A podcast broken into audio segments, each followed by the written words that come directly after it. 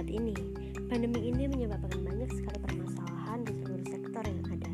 Tidak hanya berdampak pada sektor kesehatan, namun sektor ekonomi, sosial juga merasakan dampak dari pandemi ini. Pemerintah sudah mengupayakan banyak kebijakan sebagai usaha dalam memutus rantai penularan COVID-19, seperti adanya PSBB, work from home, dan kebijakan mematuhi protokol kesehatan. Protokol kesehatan sederhana yang bisa kita lakukan dalam membantu pemerintah untuk memutus rantai penularan COVID-19 adalah dengan memakai masker dengan baik dan benar dan menerapkan gerakan cuci tangan menggunakan sabun di air yang mengalir. Hendaknya kita selalu memakai masker saat berada di luar rumah. Kita juga harus memakai masker dengan baik dan benar. Memakainya sampai menutupi bagian mulut dan hidung. Dalam melakukan gerakan cuci tangan juga perlu diperhatikan.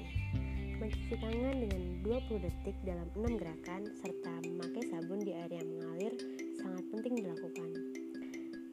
Hal tersebut penting dilakukan ketika kita berada di luar rumah dan setelah selesai melakukan aktivitas.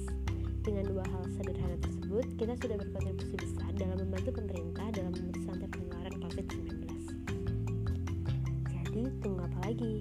Mari bersama-sama bersatu dan saling bahu-membahu dalam memutus rantai penularan COVID-19 agar kita semua dapat segera kembali pada kondisi normal seperti yang kita harapkan.